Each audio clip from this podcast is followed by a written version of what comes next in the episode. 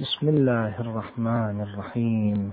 والحمد لله رب العالمين. وصلى الله على سيدنا محمد وآله الطيبين الطاهرين.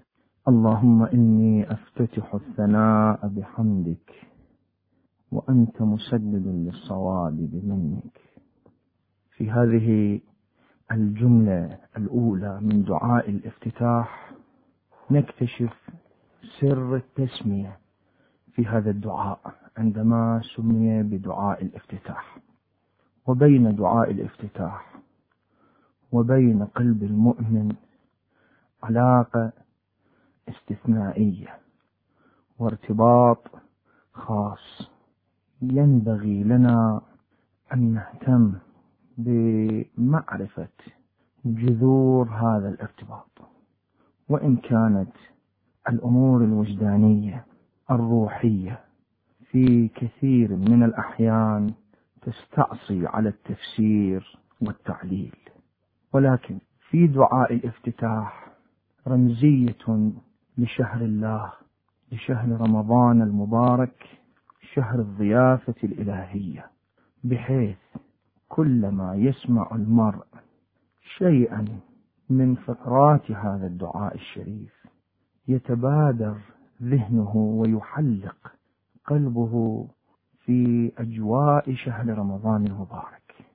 لما بين هذا الدعاء وبين الشهر الشريف من اقتران ومن ارتباط يجعل المؤمن ينتقل بشكل طبيعي من أحدهما إلى الآخر. فكل ما لشهر رمضان من خزين روحي في قلب المؤمن تجده مسبغا على دعاء الافتتاح. وأيضا في دعاء الافتتاح. يرى الإنسان المؤمن كيف أنه حينما يعيش حالة من الحاجة للتعبير عما يعتلج في صدره من مشاعر ومن أحاسيس ومن نوايا ومن أماني تجاه الله سبحانه وتعالى. فيتحير. في هذه النقطة ينبغي أن نقف قليلا. المؤمن إنسان وطبع الإنسان أنه حينما تزدحم في قلبه المشاعر يحتاج إلى أن يعبر عن هذه المشاعر. وفي بعض الأحيان يكون طوفان المشاعر ويكون آه، ضجيج هذه المشاعر في نفسه أكثر مما يحتمله لسانه من التعبير. فيلجأ إلى الشعر والإنسان بطبعه ومن جهة مشاعره محتاج إلى الشعر ومرتبط بالشعر ومفتقر بالشعر. ونقصد من الشعر. لا ذلك المعنى الذي يرتبط فقط بالألفاظ وإنما نقصد من الشعر المشاعر أو القدرة العالية على التعبير عن مشاعر الإنسان. مع الله سبحانه وتعالى هناك مجموعة من المشاعر في قلب المؤمن. المؤمن يرجو الله سبحانه وتعالى. المؤمن يخاف الله سبحانه وتعالى. ومركز الخوف هو الله. ومركز الرجاء هو الله سبحانه وتعالى. المؤمن يحب الله سبحانه وتعالى. والمؤمن يهاب الله سبحانه وتعالى. ويخشى الله سبحانه وتعالى. ومركز الحب والخشية أيضا واحد. هو الله سبحانه وتعالى. والمؤمن يعرف الله سبحانه وتعالى. وفي نفس الوقت يحس بالحاجة إلى مزيد من معرفة الله سبحانه وتعالى. بل يجد نفسه يعيش مستوى عاليا من الغموض في معرفة الله سبحانه وتعالى. كلما عرف الله سبحانه وتعالى أكثر كلما أحس بأنه بحاجة إلى معرفة الله سبحانه وتعالى أكثر وأنه لا يمكن أن يحيط به قلب بشر. أزاء هذه المشاعر مشاعر الخوف والرجاء ومشاعر الحب والخشية ومشاعر المعرفة والغموض ومشاعر أخرى تكون في قلب المؤمن مع الله سبحانه وتعالى. الشعور بالذل بين يدي الله سبحانه وتعالى. الشعور بالخشية من الخطأ في تعبيره عما يعتلج في صدره مع الله سبحانه وتعالى. يجد المؤمن نفسه بحاجة إلى أن يقتدي بإمام بمعصوم يعلمه كيف يخاطب الله سبحانه وتعالى. ومن ثم نجد أننا حينما نترنم بدعاء الافتتاح وبأمثال دعاء الافتتاح أننا نلبي حاجة في أنفسنا للتعبير عن شعورنا مع الله سبحانه وتعالى. هذه الحاجة الشعورية تحقق نفسها من خلال دعاء الافتتاح وأمثال دعاء الافتتاح.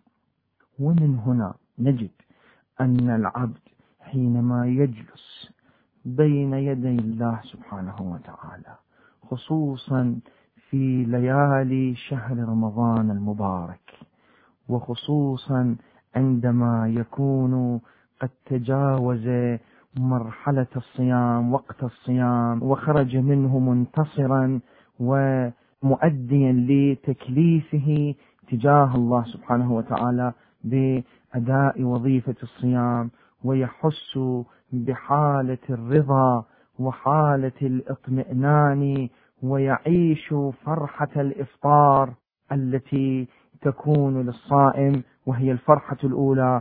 قبل فرحته يوم القيامة بصيامه في تلك الحالة يعيش حالة من الانفتاح على الله سبحانه وتعالى وحالة الإقبال على الله سبحانه وتعالى فيكون بحاجة إلى أن يترنم بأذكار يطمئن لأنها صادقة في التعبير عن ما في قلبه.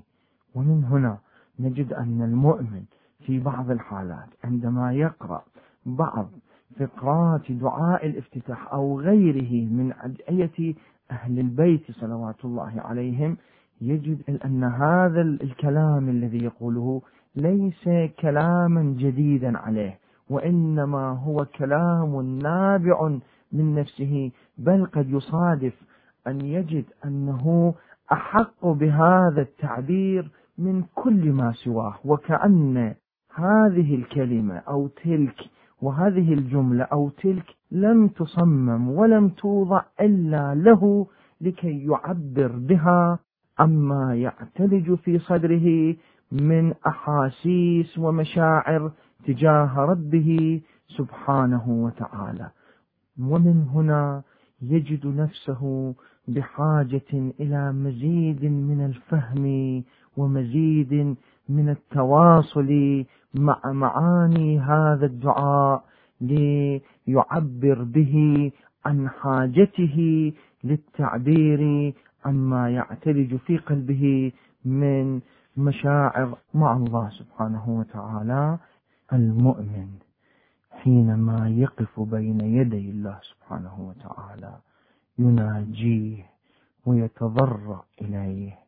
ويعبر عن مكنونات صدره مع الله سبحانه وتعالى ويبثه شكواه ويعبر له عن امتنانه وعن خوفه وعن حبه وعن خشيته وعن آماله من الله سبحانه وتعالى.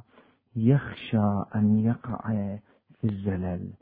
ويخشى أن لا يحسن التعبير حينما يكون لدى الإنسان أمر مهم وحينما يريد أن يتقدم لأحد من الناس حينما يريد أن يكتب كتابا لشخص عظيم لقاض في يوم الحكومة والقضاء أو لعظيم من العظماء يلتمس منه أمرا من الأمور المهمة.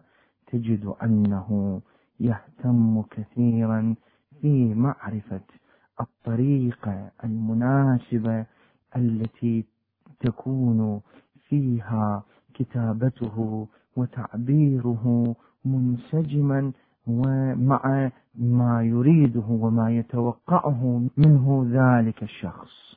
هنا يفزع إلى من يكون على اطلاع ومعرفة بذلك الأمر.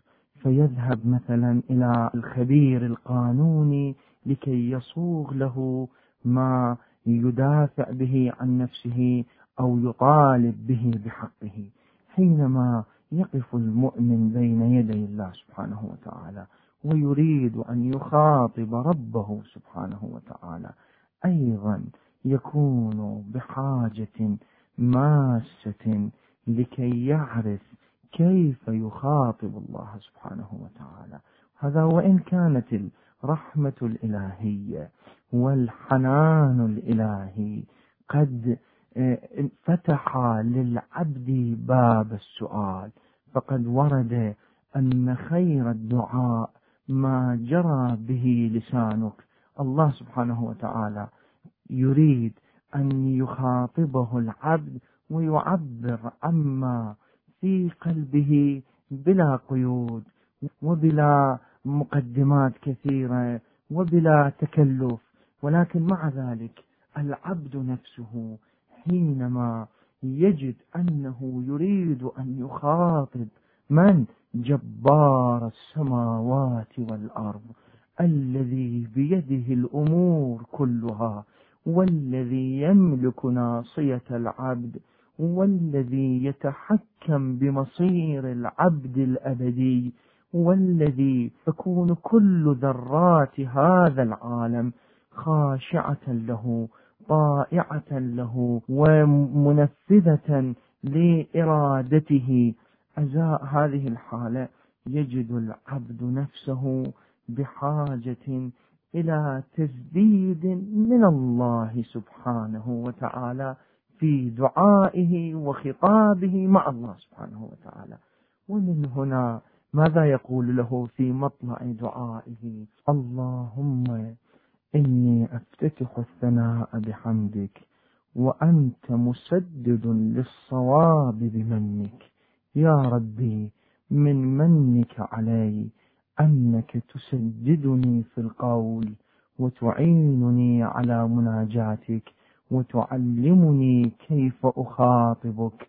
وهذه نعمة من النعم العظمى لله سبحانه وتعالى على عبده أنه يسدده ويرشده ويوجهه ويعلمه كيف يدعوه كما يسدده ويرشده ويعلمه كل أموره الأخرى. وجاءت هنا في هذه الحالة في حالتنا ونحن ندعو بدعاء الافتتاح.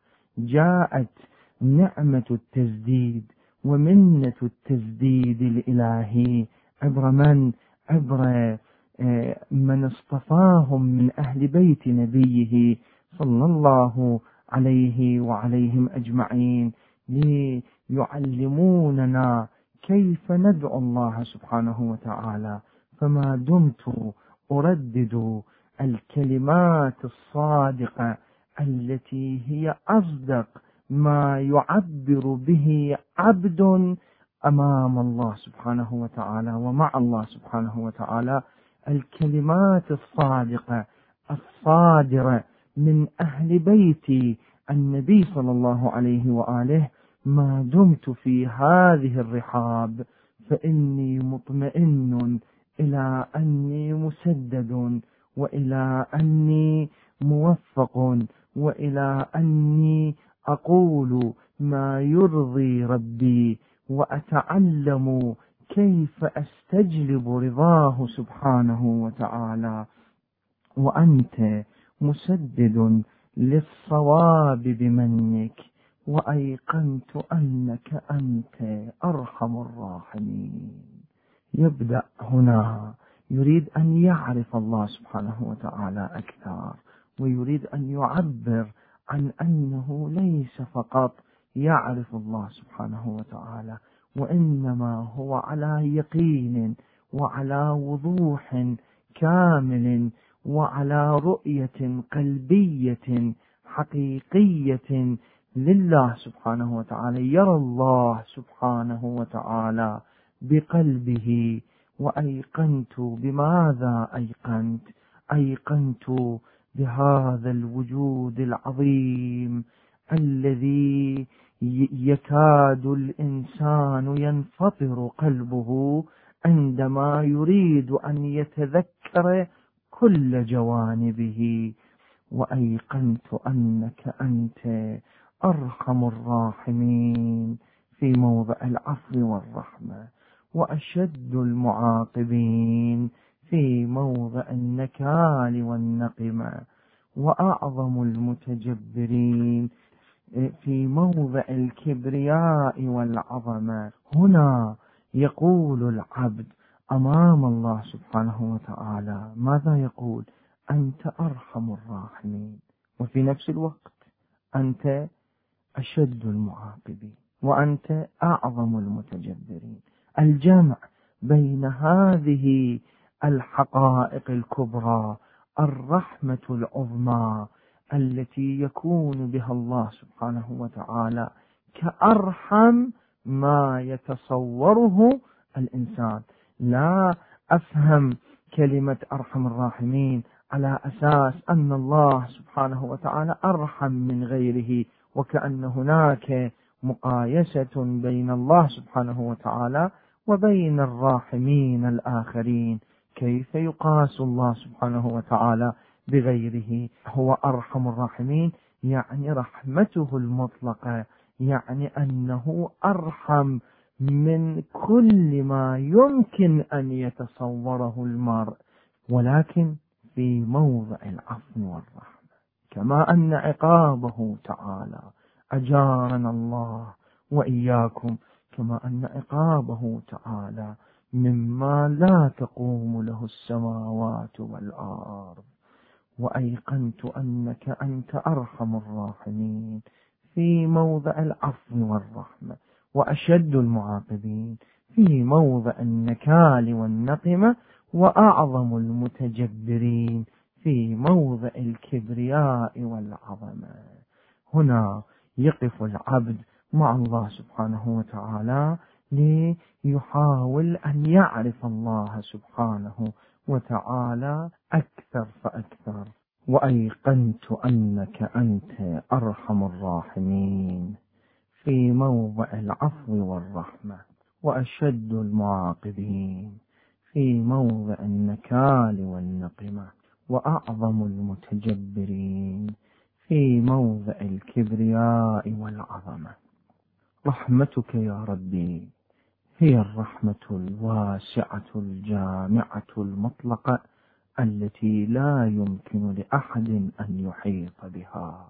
وهنا ينبغي للمؤمن أن يحاول حينما يتلو هذه الفقرات العظيمة من دعاء الافتتاح. يحاول أن ينفتح دائما على معان ومظاهر متجددة ومتعددة لرحمته سبحانه وتعالى ليعيش لذة معرفة الله سبحانه وتعالى ومعرفة رحمته سبحانه وتعالى. رحمة الله في الدنيا. رحمة الله للجنين وهو في بطن أمه. رحمة الله للطفل وهو يولد في الدنيا وهو يواجه الدنيا لأول وهلة. ورحمة الله متواصلة على عباده. ورحمة الله تحيط بهذه الكرة في هذا العالم الفسيح من الأفلاك التي لم يتمكن الإنسان بعد حتى من اكتشافها. ورحمة الله سبحانه وتعالى للعبد حينما يذنب. ورحمة الله سبحانه وتعالى للعبد حتى حينما يقترف جرما في حق ربه. وهذا المعنى من الرحمة قد يكون من أهم وأشد معاني الرحمة ومظاهر الرحمة حينما يذنب العبد ويرتكب الجرم مع الله سبحانه وتعالى ويخالف ربه سبحانه وتعالى ويتجرأ على عصيان ربه سبحانه وتعالى يكون أبعد ما يكون عن استحقاقه للرحمة. ولكن كيف رأينا الله سبحانه وتعالى وهو يتعامل مع عباده المذنبين؟ فتح لهم باب التوبة وشجعهم على التوبة ودعاهم إلى الرجوع إليه. ورد في بعض المناجات عن الإمام زين العابدين أنت الذي فتحت لعبادك بابا سميته التوبة فما عذر من ترك دخول هذا الباب بعد فتحه. ونقرأ عن الإمام الباقر عليه السلام الذي سماه رسول الله صلى الله عليه وآله بالباقر لأنه يبقر العلم بقرا. يقول عن أبي عبيد الحذاء قال سمعت أبا جعفر يقول ألا إن الله أفرح بتوبة عبده حين يتوب من ماذا؟ الإمام عليه السلام. في هذه الحالة يريد أن يضرب لنا مثلا للفرح. عندما يكون في قلب الإنسان حالة فرح يريد يبين المستوى الفرح الذي يكون آه، عند الإنسان ليكون نظيرا لما يوجد عند الله سبحانه وتعالى. من دعوة لعباده واستعداد لقبول عباده المذنبين حينما يتوبون إليه ألا إن الله أفرح بتوبة عبده حين يتوب من ماذا؟ من رجل ظلت راحلته في أرض قافر وعليها طعامه وشرابه فبينما هو كذلك لا يدري ما يصنع ولا أين يتوجه حتى وضع رأسه لينام. هذا الإنسان ظلت راحلته وهو في أرض قفر وفيها ما يحمله من زاد وطعام وشراب. فإذا ظلت هذه الراحلة ماذا يكون حاله؟ يعني يكون معرضا لقتلة هي من أشد أنواع الموت لأنه سيموت جوعا وإن رحمه الدهر بعث له بحيوان مفترس يلتهمه قبل أن يعاني ما يعاني من آلام الجوع.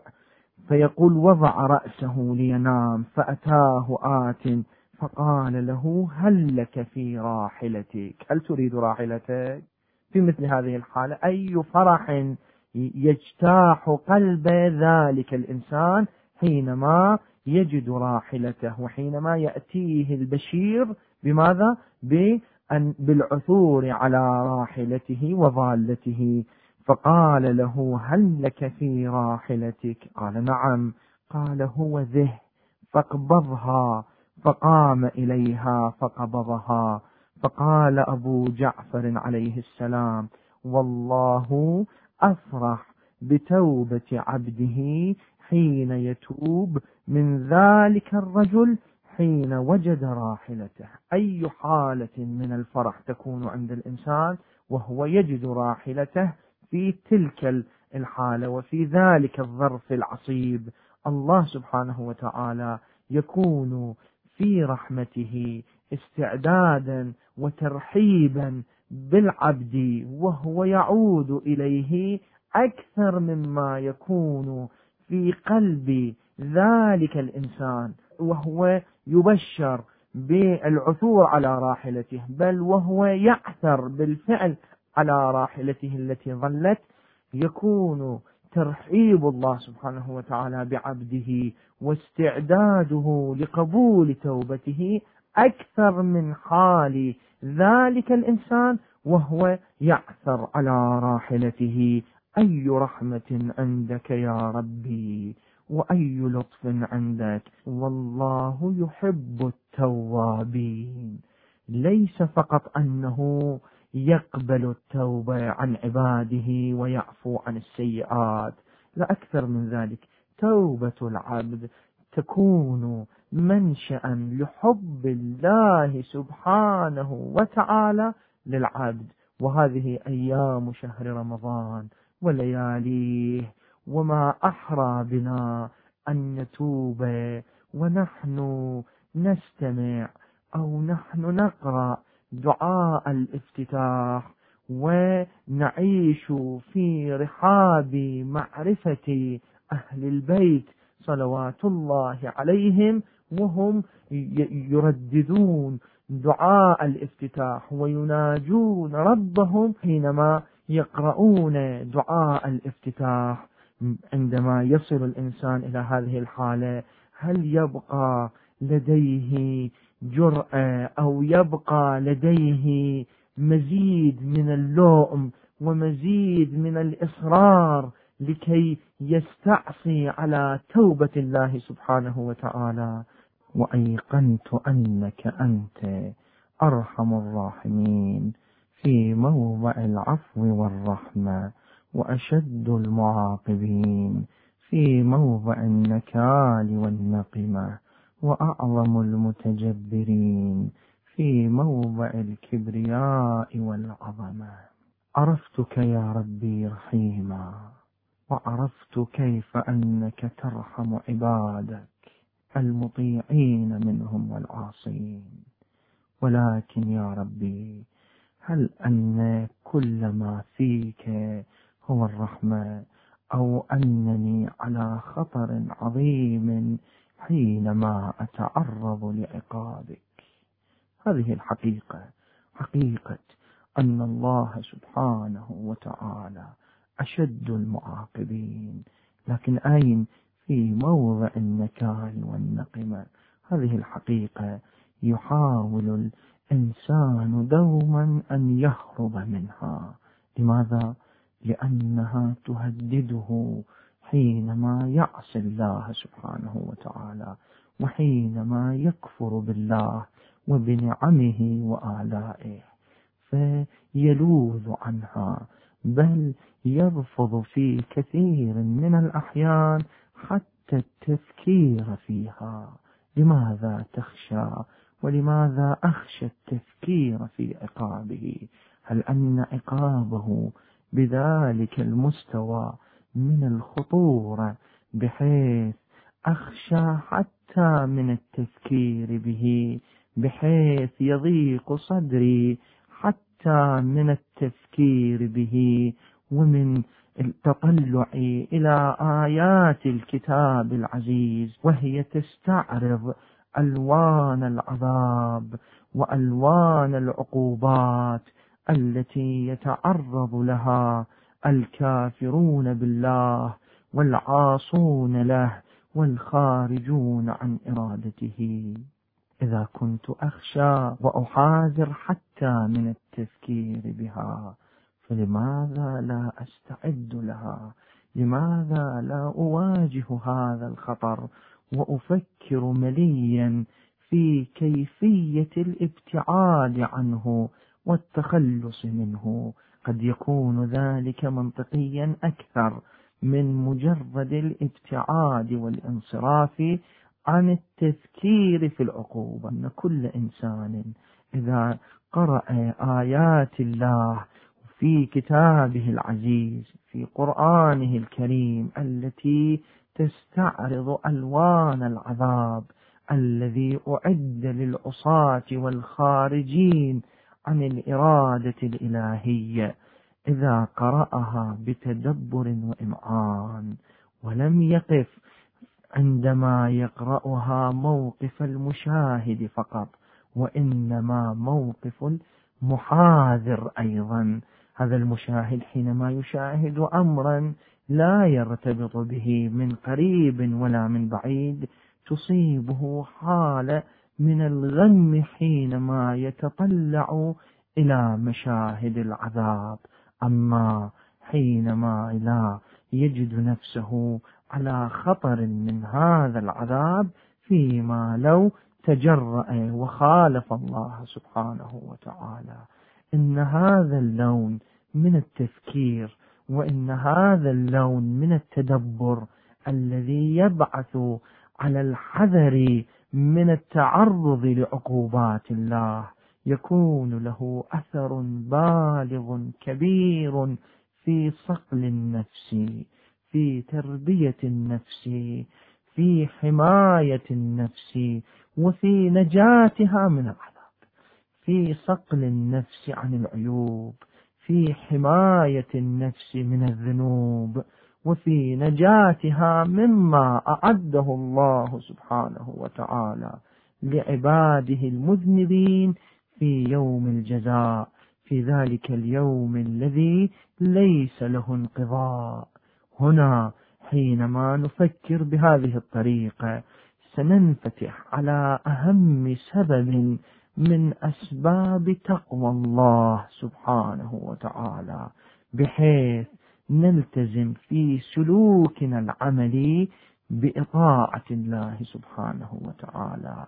أيها الأخوة أيها الأعزاء هل سمعتم بقانون يطبق بشكل صحيح وعملي من دون أن يقترن بعقوبات رادعة؟ هو هذا طبع البشر. هو هذا طبع الإنسان. الله سبحانه وتعالى يريد أن يكمل الإنسان ويريد أن يرفع الإنسان. فإذا كان الإنسان بطبعه لا يطيع الله سبحانه وتعالى طاعة حقيقية تامة إلا حينما يرى نفسه في معرض الخطر والعذاب. هذا الفهم. وهذا التصور وهذه الآيات الكريمة التي تهدد بألوان العذاب ولهم مقامع من حديد يصهر ما في بطونهم والجلود أو ما ورد في حق أولئك الذين يكفرون بالله سبحانه وتعالى. وأصحاب الشمال ما أصحاب الشمال؟ في سموم وحميم وظل من يحموم لا بارد ولا كريم. ماذا كان هؤلاء؟ إنهم كانوا قبل ذلك مترفين. ومن أظهر مظاهر الترف أن يحاذر الإنسان على نفسه حتى من التفكير بعقوبات الله. سبحانه وتعالى. إذا كنت تخاف وإذا كنت أنا أخاف وأتضايق من التفكير بعقاب الله سبحانه وتعالى إذا أنا في أشد حالات الضعف. إنه لعقاب يجزع الإنسان حينما يفكر فيه. فكيف إذا معاذ الله صار مبتلا به في يوم القيامة عندما تترجح سيئاته على حسناته ويؤخذ إلى النار ويقول القائل جروه فيدعى به إلى نار جهنم. أعوذ بالله أستجير بالله من ذلك. هذا التفكير هو الذي يجعلنا نطبق ونلتزم بأحكام الله سبحانه وتعالى ونطيع الله سبحانه وتعالى. هذا الخوف هو الصوت الذي يسوق الله به عباده نحو مرضاته ونحو نعيمه ونحو جنان الخلد التي أعدها للمطيعين. هذا العقاب وهذا الخوف من العقاب. أشبه ما يكون بمرارة الدواء الذي يخلص الإنسان من الأمراض ويحفظ له السلامة فلنرحب بما يجتاح قلوبنا من مشاعر خوف من الله سبحانه وتعالى. لا ينبغي للمؤمن أن يهرب من الخوف. ينبغي للمؤمن دائما أن يكون على رجاء وخوف من الله سبحانه وتعالى. وقد ورد أن قلب المؤمن بين جناحي طائر الخوف والرجاء. وأيقنت أنك أنت أرحم الراحمين في موضع العفو والرحمة وأشد المعاقبين في موضع النكال والنقمة وأعظم المتجبرين. في موضع الكبرياء والعظمة. أنت يا ربي كما أنك أرحم الراحمين وكما أنك أشد المعاقبين. كذلك أنت يا ربي أعظم المتجبرين. في موضع الكبرياء والعظمة وأنت موضع الكبرياء والعظمة. قد يخطر في بال الإنسان أن التكبر والتجبر أمر غير حسن وذلك لأنه يشهد مظاهر التجبر ومظاهر الاستكبار في الأرض ويجد أنه يمقت هذه المظاهر. فقد يتعجب ويستغرب كيف أن الله سبحانه وتعالى الذي هو منتهى الجمال ومنتهى الكمال كيف يتجبر؟ في الحقيقة إذا أراد الإنسان أن يتأمل بإمعان في منشأ قبح واستهجان التكبر والتجبر سيجد أن هذا المنشأ يعود إلى أن الإنسان الضعيف المحتاج الفقير لا يليق به التجبر فهو يلبس رداء غيره فيكون عليه فضفاضا فلا يكون مناسبا له. أما الله سبحانه وتعالى الذي بيده هذا الخلق والذي يملك الأمر كله والذي نجد أن كل الخلق قائم بأمره. كل الخلق قائم بالله سبحانه وتعالى. الله لا إله إلا هو الحي القيوم. السماوات والأرض قائمة بالله سبحانه وتعالى بحيث أنها رهن إرادته بحيث أنه لو أراد أن يوقف استمرار خلق هذا الكون ووجود هذا الكون بأرجائه وبمراتبه وبكل تفاصيله سينعدم مباشرة هذا الكون ويتلاشى وينتهي. وقد يكون يمكن أن نقول أن الله سبحانه وتعالى لا يحتاج إلى إرادة إعدام وإفناء هذا الكون إذا أراد إعدامه وإفناءه وإنما فقط يوقف إرادة وجوده. يعني أن هذا الأمر هو قائم بالله ومستمر بالله سبحانه وتعالى.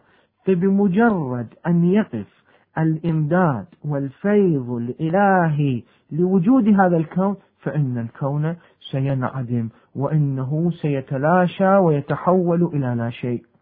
هذا العظيم المطلق من شأنه التكبر من شأنه التجبر من شأنه الكبرياء من شأنه العظمة لأنه هو العظمة فهو أعظم المتجبرين في موضع الكبرياء والعظمة.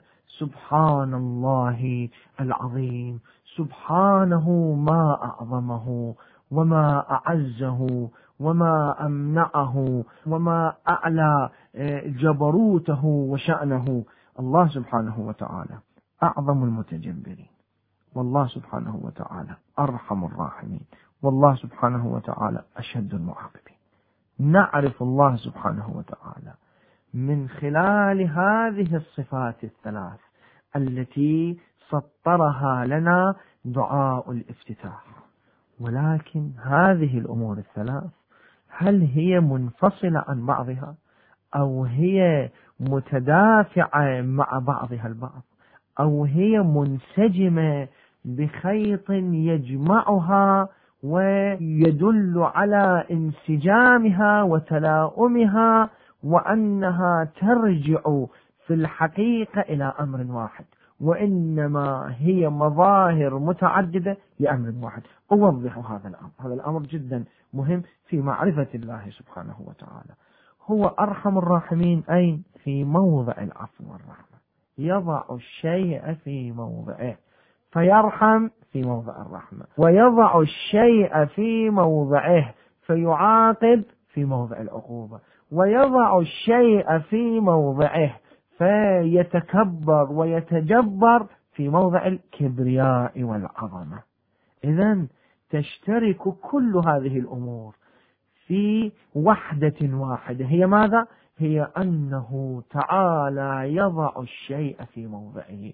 هي أنه تعالى بكلمة واحدة تعبر عن كل ذلك أنه هو الحكيم المطلق فهو يضع الأمور في مواضعها.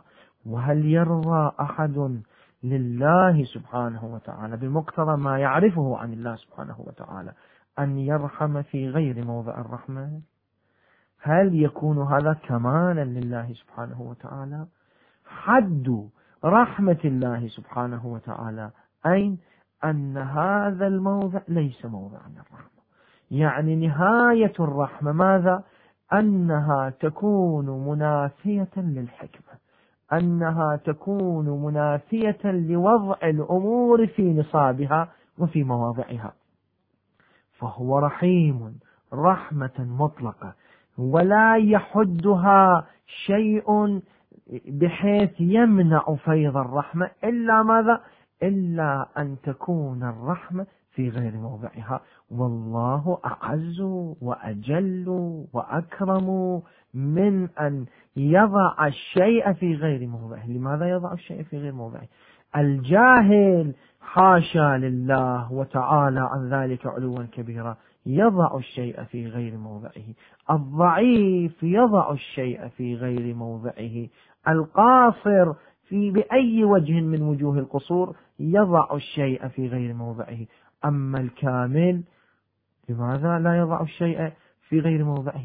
أي مبرر في ساحة قدسه تعالى لعدم وضع الشيء في موضعه ما موجود في الله سبحانه وتعالى. أي منشأ لأن يحدث خطأ وأن يضع الله تعالى شيئا في غير موضعه ما موجود في ساحة قدسه سبحانه وتعالى. فهو يرحم في موضع الرحمة وهو يعذب وينتقم في موضع الانتقام وهو يتكبر ويتجبر في موضع الكبرياء والعظمة. حينما نعرف الله سبحانه وتعالى بهذا النحو من المعرفة يعني نعرف كيف نتعامل مع الله سبحانه وتعالى. نعرف كيف نعامل الله سبحانه وتعالى الذي بيده مصيرنا. فنتحرى مواقع الرحمة. ونبتعد عن مواقع ماذا؟ عن مواقع العقوبة والعذاب. ونقبل ونقر ونخشع أمام مظاهر تجبره سبحانه وتعالى. نعيش الحالة العبودية الحقيقية لله سبحانه وتعالى من خلال تنمية وتطوير هذه المعرفة في أنفسنا وتكاملها وصولا إلى مراتبها العليا التي يمكن للإنسان أن يصل إليها. فيعرف رحمته ويعرف عذابه ويعرف كبرياءه كل في موضعه. اللهم أذنت لي في دعائك ومسألتك. ما أروعها من نعمة حينما يأذن الرب لعبده بالدعاء. وما أكثر غفلتنا عن هذه النعمة وإفادتنا من هذه النعمة. نعمة الدعاء نعمة عظيمة تتضمن جوانب من التفضل الإلهي على العبد. قد نكون في أحيان كثيرة في غفلة عنها. أصل إعطاء الإذن بأن يخاطب العبد ربه هو نعمة كبرى من الله سبحانه وتعالى. لأنه لا بد أن يكون بين المخاطب والمخاطب شيء من التناسب يستدعي أن يأذن المخاطب للمخاطب بأن يخاطبه. أنت تجد أن كثيرا من عظماء البشر على ضعفهم وحاجتهم وافتقارهم إلى بعضهم البعض لا يأذنون لكل أحد بأن يخاطبهم وبأن يتوجه إليهم بمكنونات صدره. كان من الممكن لله سبحانه وتعالى أن لا يأذن وهذا حق طبيعي له أن لا يأذن لأحد بأن يخاطبه إلا في مكان مقدس يعينه هو. بأن لا يأذن لأحد أن يخاطبه إلا في وقت مقدس يعينه هو سبحانه وتعالى. وأن لا يسمح لأحد بأن يخاطبه إلا إذا بلغ مستوى معين من الكمال ومن القرب منه بحيث يكون مؤهلا لمخاطبته تعالى. كان من الممكن أن يقول الله سبحانه وتعالى لعباده إني لا أذن لكم بمخاطبتي إلا إذا بلغ المرء منكم الأربعين سنة وطوى هذه المسافة من عمره مبرأ من كل ذنب وعصيان ومخالفة لي. وإلا إذا ذهب على سبيل المثال إلى بيت الله الحرام ودخل فيه وفي وقت معين أسمح له بأن يخاطبني. لو كان الأمر كذلك وقدر لك أن تحظى بهذه النعمة. ما هو حالك؟ وأنت مستعد وأنت بصدد مخاطبة جبار السماوات والأرض. ولكن مع كل الأسف حينما تنتشر النعمة وحينما تتسع النعمة وحينما تغرقنا النعم لا نعود نبصرها كما ينبغي لنا أن نبصرها. أنت يا ربي أذنت لي في دعائك وما أعظمها من منة منك. ثم إذا أردنا أن نتأمل في هذه النعمة ونتبصر فيها سنجد العجب العجاب. الله سبحانه وتعالى يأذن للعبد بأن يخاطبه في أي مكان بأن يخاطبه في أي زمان بأن يخاطبه وهو على أي حال من الأحوال بأن يخاطبه في كل شأن من شؤون حياته. في كل صغيرة أو كبيرة مما يهتم به. من الممكن لله سبحانه وتعالى أن لا يأذن لنا بمخاطبته إلا بالأمور المهمة الجليلة العظيمة التي يليق بساحة قدسه أن يخاطبه بها أحد من الناس. أما هو سبحانه وتعالى فقد أذن لنا بمخاطبته في كل الشؤون والشجون من صغير الأمور وكبيرها. وقد ورد في بعض الروايات عن أهل البيت صلوات الله عليهم أنه لا تتركوا صغيرة لصغرها أن تدعوا بها فإن صاحب الصغار هو صاحب الكبار. وقد ورد أيضا أنه ليسأل أحدكم ربه حاجته كلها حتى يسأله شسع نعله إذا انقطع.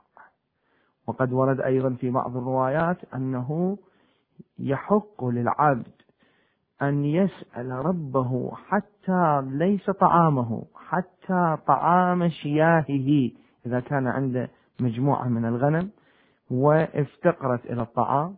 يسأل ربه عن طعام غنيماته وشياهه. إلى هذا الحد يسمح لنا بأن نتكلم مع الله سبحانه وتعالى وبشكل مطلق ومفتوح وفي جميع الأوقات والأماكن والحالات وعن جميع الأمور التي نهتم بها ونقدمها بين يدي الله سبحانه وتعالى. مضافا إلى ذلك ليس ربنا سبحانه وتعالى أذن لنا بدعائه فحسب بل هو عز وجل دعانا إلى دعائه هو ندبنا إلى دعائه شجعنا على أن ندعوه. فقد ورد في بعض الروايات إن أفضل العبادة الدعاء. وإن ما من شيء أحب إلى الله من أن يسأل. وإن ما من شيء أحب إلى الله من أن يسأل من أن يدعى. يعني ماذا؟ يعني أن الله سبحانه وتعالى هو يحب أن ندعوه. ليس فقط أنه سمح لنا وأذن لنا بالدعاء. تجد ما يروى عن الإمام زين العابدين. في أدعية شهر رمضان المبارك في دعائه في السحر. يقول الحمد لله الذي أدعوه كلما شئت لحاجتي وأخلو به حيث شئت بسري بغير شفيع فيقضي لي حاجتي. وهنا ننفتح.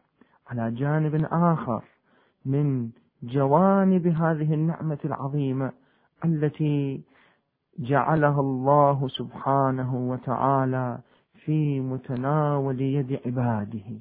فهو يثيبنا على الدعاء يدعونا إلى الدعاء ومضافا إلى ذلك يجيبنا إذا دعونا.